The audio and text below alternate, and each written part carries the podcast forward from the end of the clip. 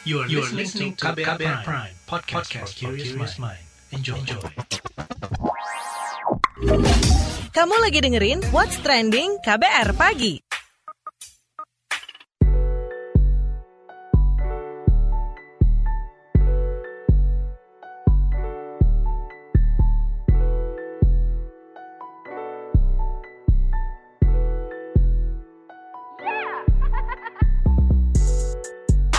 KBR Pagi, siaran pagi, radio paling update. Selamat pagi, apa kabar Anda hari ini di hari Jumat 16 Juli 2021? Kembali lagi saya Don Brady menemani pagi hari Anda pastinya. Well, by the way, belakangan pemakaman dengan protokol COVID-19 meningkat seiring dengan kasus kematian pasien COVID-19 baik dari rumah sakit atau yang dari isolasi mandiri. Nah, bahkan melalui media sosial Instagram pada 6 Juli lalu, Wakil Gubernur DKI Jakarta Riza Patria mengungkapkan adanya antrian pemakaman jenazah dengan protokol COVID-19 di TPU Rorotan, Jakarta Utara. Kata dia, selama dua minggu terakhir, 22 Juni hingga 5 Juli 2021, sebanyak 803 warga Jakarta meninggal karena COVID-19. Sedangkan data pemakaman harian dengan protokol COVID-19 di DKI Jakarta sejak 1 Mei 2021 sampai dengan 3 Juli 2021 menunjukkan peningkatan yang signifikan. Untuk pemakaman harian dengan protokol COVID-19 pada 3 Juli 2021 berjumlah 392 pemakaman. Angka itu 15 kali lipat lebih dari angka pemakaman harian dengan protap COVID-19 pada 1 Mei 2021. Ia pun mengapresiasi seluruh petugas pemakaman yang bekerja keras karena meningkatnya jumlah pemakaman. Ia juga mengatakan bahwa Pemprov DKI meningkatkan lahan pemakaman menyoal antrian pemakaman dengan protokol COVID-19 itu yang kita obrolin pagi ini. Tapi sebelumnya kita simak dulu respon netizen plus 62 berikut ini.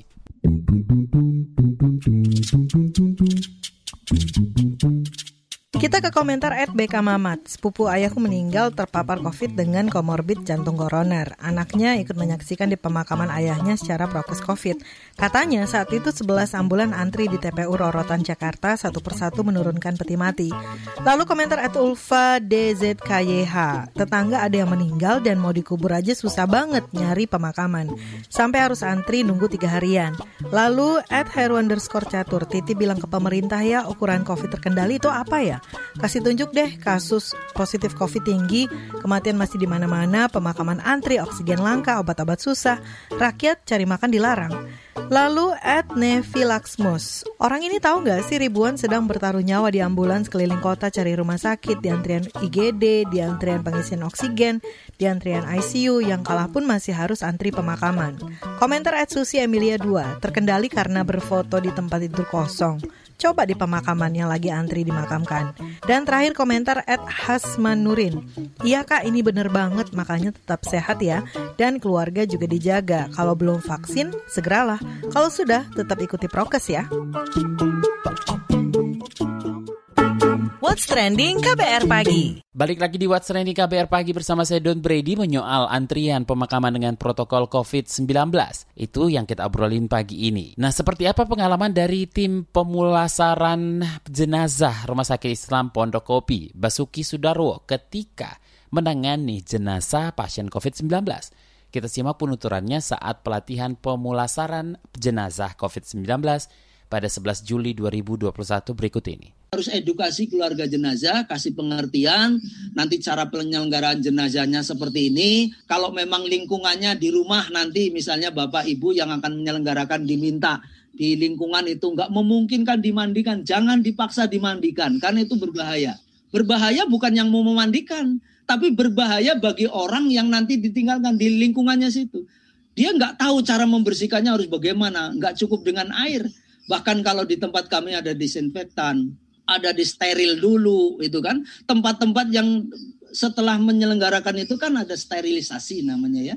Nah oleh sebab itu lah kalau di rumah sakit memang sudah ada protapnya seperti itu ya membersihkannya dengan klorin dan lain sebagainya ya. Itu edukasi itu menjadi penting. Karena di masyarakat ini hari ini walaupun tidak seperti dulu artinya sekarang sudah agak terbiasa. Kalau ada orang yang kena COVID, kebersamaannya luar biasa, membantunya luar biasa, itu juga sudah mulai lah ya, artinya sudah terbangun ya, karena memang jangankan orang biasa di rumah sakit saja gagap begitu ya, itu edukasi keluarga itu jenazah penting. Edukasinya itu karena menyangkut tadi protapnya, secara syar'inya seperti apa. Jangan nanti, ah jenazah kok nggak dimandiin. Pengertiannya itu kalau yang namanya secara syariah hanya dimandikan saja. Kalau ditayamumkan Oh itu nggak dimandikan, jadi itu perlu dianu lagi. Seringkali begitu, itu harus diedukasi.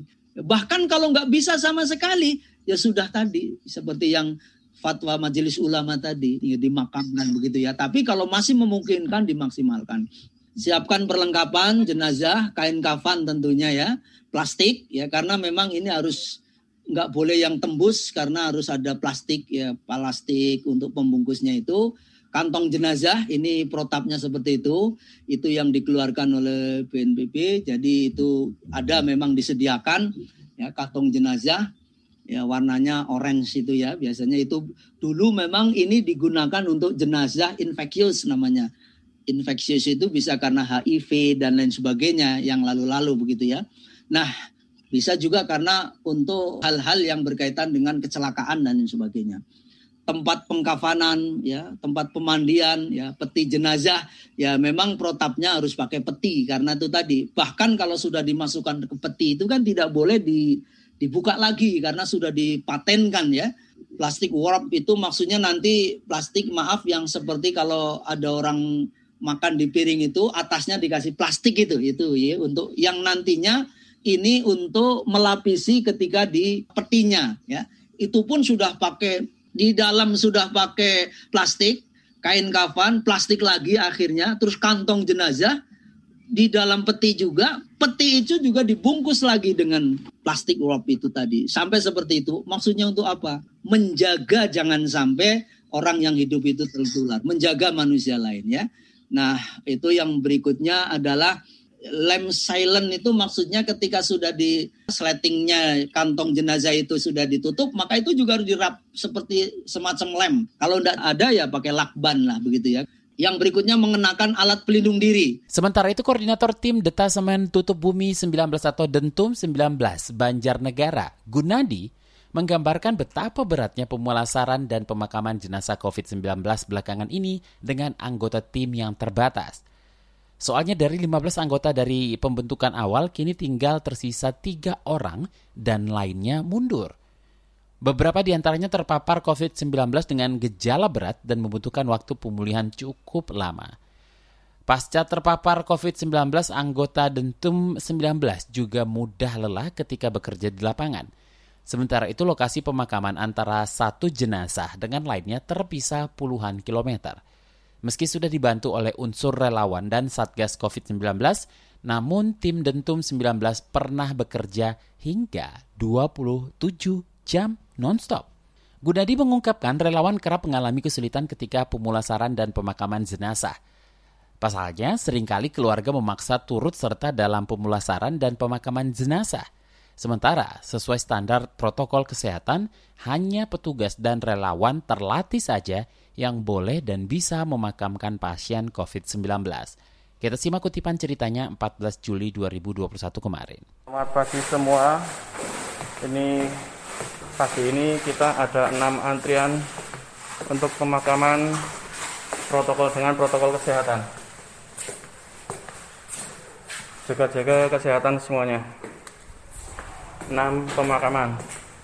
Nanti kita akan ngobrol dengan manajer program Badan Pemulasaran Jenazah atau Barzah Dompet Duafa. Ada Ustadz Madroi. Jangan ke mana-mana.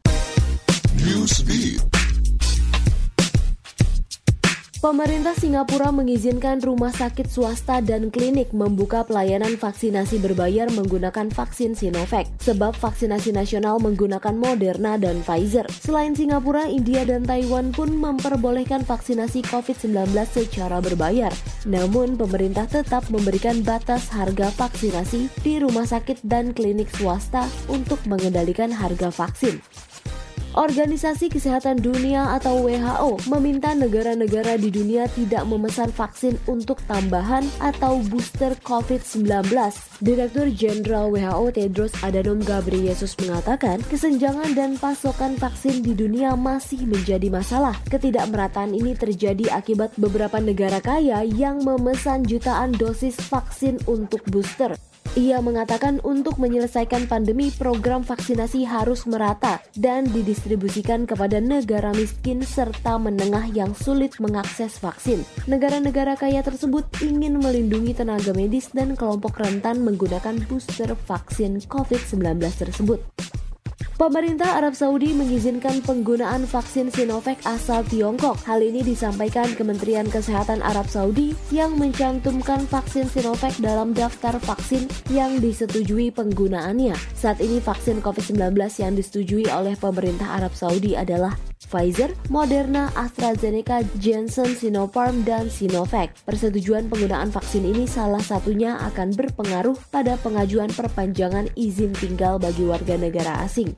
Sebab WNA yang tinggal di Arab Saudi harus memiliki sertifikat vaksin yang jelas dan disetujui pemerintah Arab. What's trending KBR pagi? Di What's Trending KBR Pagi kali ini kita ngobrolin soal antrian pemakaman dengan protokol COVID-19. Crisis Center COVID-19 Dompet Duafa yang juga membuka layanan pemulasaran gratis kebanjiran permintaan. Manajer Program Badan Pemulasaran Jenazah atau Barzah Dompet Duafa, Ustadz Madroi, mengungkapkan tingginya permintaan hingga antrian pemakaman – lebih jelas, langsung saja kita obrolkan bersama manajer program Badan Pemulasaran Jenazah atau Barzah Dompet Duafa Ustadz Madroi. Pak Ustadz, dompet duafa dibanjiri permintaan pemulasaran jenazah COVID-19. Bisa dijelaskan nih Pak Ustadz? Barzah dompet duafa memang fokus untuk membantu layanan urusan jenazah gitu. Nah sehingga kita pada saat ini juga akan menyesuaikan kondisi sedang mengalami lonjakan kematian yang begitu luar biasa. Sehingga tim kami pun akan kami fokuskan di dalam merespon kebutuhan-kebutuhan untuk membantu pengurusan jenazah yang terkonfirmasi COVID-19. Adapun memang untuk fasilitas yang bisa kita berikan adalah ya mulai dari pengurusan jenazahnya, pemulasaran jenazah sampai kepada ambulan untuk ke pemakaman. Jadi memang kami fokus di dalam penanganan jenazah. Nah, tingginya permintaan sampai munculnya antrian jenazah terjadi sejak kapan? Nah, kita sih merasakan sebetulnya terjadi lonjakan itu ya sebulan terakhir inilah gitu ya. Awal-awal minggu pertama Juni ya, itu sudah mulai banyak banget jenazah yang statusnya COVID. Jadi rumah sakit sendiri juga per hari itu telepon ke kita meminta bantuan untuk pengantaran jenazah COVID. Nah, di sisi lain juga banyak jenazah-jenazah yang memang pasien-pasien yang meninggal di rumahnya gitu. Jadi, nah itu kan kita lakukan penanganan secara paripurna, yaitu pemulasaran jenazahnya, sampai mensolatinya, dan juga sampai ke pemakamannya, begitu. Seberapa sulit mendapatkan tempat pemakaman bagi jenazah COVID-19?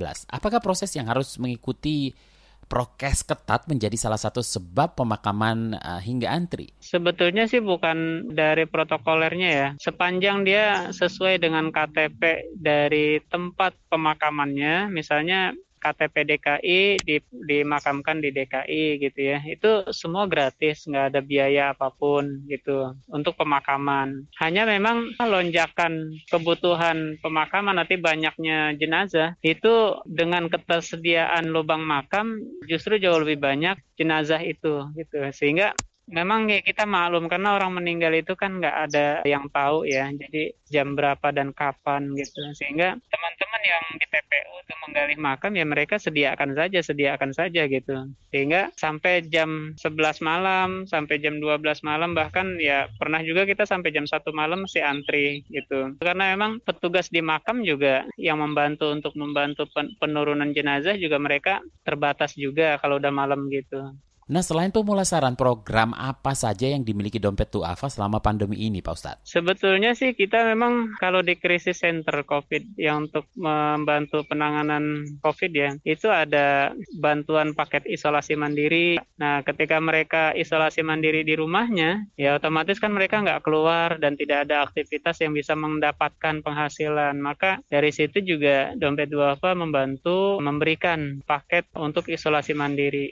Ya, kebutuhan mungkin beras dan lain sebagainya ya. Itu karena memang semua rumah sakit penuh ya dan oksigen juga sangat terbatas. Nah kebetulan memang kami ini adalah garda terakhir lah yang diterjunkan ketika mereka sudah dinyatakan meninggal dunia maka kami yang diturunkan untuk membantu penanganan jenazah tersebut. Bagaimana harapan Anda terkait pengelolaan pemulasaran atau sistem pemakaman Indonesia di tengah pandemi ini? Harapan saya, jiwa-jiwa kemanusiaan di tengah masyarakat juga ini muncul dari warga di lingkungan gitu. Sehingga bukan hanya kami yang selalu turun ke sana, beberapa di tempat lain juga ada mereka menyatakan saya siap Pak turun tapi saya keahliannya belum ada ya. Akhirnya kita video call memberikan supervisi kepada mereka bimbingan sehingga sampai selesai lah kira-kira begitu. Nah, untuk pemakaman cuma bisa memberikan semangat aja ya sama teman-teman di TPU yang bertugas menggali makam karena mereka itulah sebenarnya orang yang punya jiwa sosial yang tinggi gitu. Siang dan malam mereka bekerja mengeluarkan keringatnya untuk masyarakat Indonesia yang memang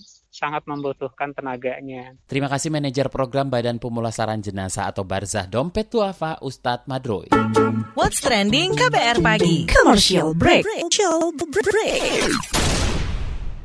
Ada kesedihan, air mata, dan trauma. Namun ada juga gelak tawa, bahagia, dan rasa bangga. Cerita kehidupan manusia adalah perjuangan dan pembelajaran.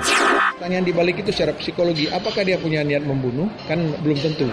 Saya kaget ketika ada konflik sesama orang Madura sendiri mengatasnamakan aliran keagamaan. Sejak itu, warga Syiah harus mengungsi sampai sekarang. Untuk kehidupan saya pada waktu itu aja nggak menentu kan. Boro-boro mikirin untuk perpustakaan gitu. Saga, cerita tentang nama, peristiwa, dan fakta. Liputan khas KBR ini telah memenangkan berbagai penghargaan nasional dan internasional. Anda sedang mendengarkan program Saga Produksi KBR.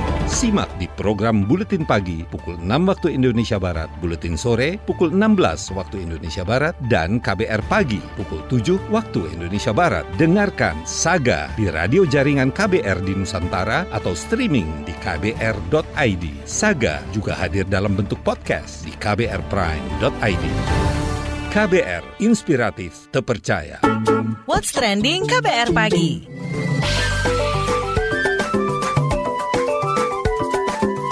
WhatsApp Indonesia. WhatsApp Indonesia kita mulai dari Banten. Jelang Idul Adha, Dinas Pertanian Provinsi Banten meminta masyarakat mematuhi protokol kesehatan selama proses penyembelihan hewan kurban. Melansir antara news, Kepala Bidang Kesehatan Hewan dan Kesmafet Dinas Pertanian Banten, Ari Ardiana mengungkapkan selain protokol kesehatan, selama penyembelihan Dinas Pertanian pun menekankan penerapan protokol kesehatan selama proses jual beli hewan kurban. Imbauan ini dikeluarkan untuk mencegah munculnya klaster Idul Adha. Ari mengatakan panitia kurban wajib menyediakan tempat cuci tangan, memeriksa suhu tubuh, dan bagi orang-orang yang memiliki gejala demam demam hingga batuk tidak diperbolehkan masuk ke tempat pemotongan. Selanjutnya menuju Solo, Jawa Tengah. Pemerintah kota Solo menutup tujuh ruas jalan di wilayahnya di masa PPKM darurat. Wali kota Solo Gibran Raka Buming Raka mengatakan penutupan ruas jalan itu karena pusat keramaian. Menurut Gibran, langkah pemerintah tidak akan efektif jika pusat keramaian yang rentan penyebaran virus COVID-19 dibiarkan. Berbagai ruas jalan yang ditutup di antaranya Jalan Kawasan Pasar Klewer, Jalan Protokol Slamet Riyadi, ruas jalan dekat Terminal Tirno Nadi, Jalan Kawasan Balai Kota Solo, dan Pasar Gede, dan sebagainya. Kawasan tersebut merupakan sebagai pusat perdagangan, ekonomi, pemerintahan, dan perkantoran. Terakhir mampir Papua, Presiden Joko Widodo menyatakan tetap akan menggelar Pekan Olahraga Nasional atau PON di Papua. Pernyataan itu disampaikan Menteri Pemuda dan Olahraga Zainuddin Amali. Menpora Zainuddin Amali mengatakan pemerintah belum berpikir terkait penundaan PON sebab menurutnya bila PON 2021 ditunda maka akan berpengaruh pada gelaran PON mendatang. Pekan Olahraga Nasional atau PON adalah ajang olahraga nasional utama yang digelar saban 4 tahun sekali. Ajang ini diikuti atlet berprestasi dari 34 provinsi di Indonesia. Tahun ini, PON akan memasuki penyelenggaraan ke-20 yang akan digelar di Papua. PON Papua dijadwalkan berlangsung pada 2 hingga 15 Oktober 2021. Demikian WhatsApp Indonesia hari ini. Demikian kabar pagi hari ini. Jika Anda tertinggal siaran ini, Anda kembali bisa menyimaknya di podcast What's Trending yang ada di Spotify, di kbrprime.id, dan di aplikasi mendengarkan podcast lainnya. Saya Don Brady undur diri. Kita ketemu lagi hari Senin. Have a nice day, have a nice weekend, stay safe, bye-bye. Terima kasih ya sudah dengerin What's Trending KBR Pagi. KBR Prime, cara asik mendengar berita. KBR Prime, podcast for curious mind.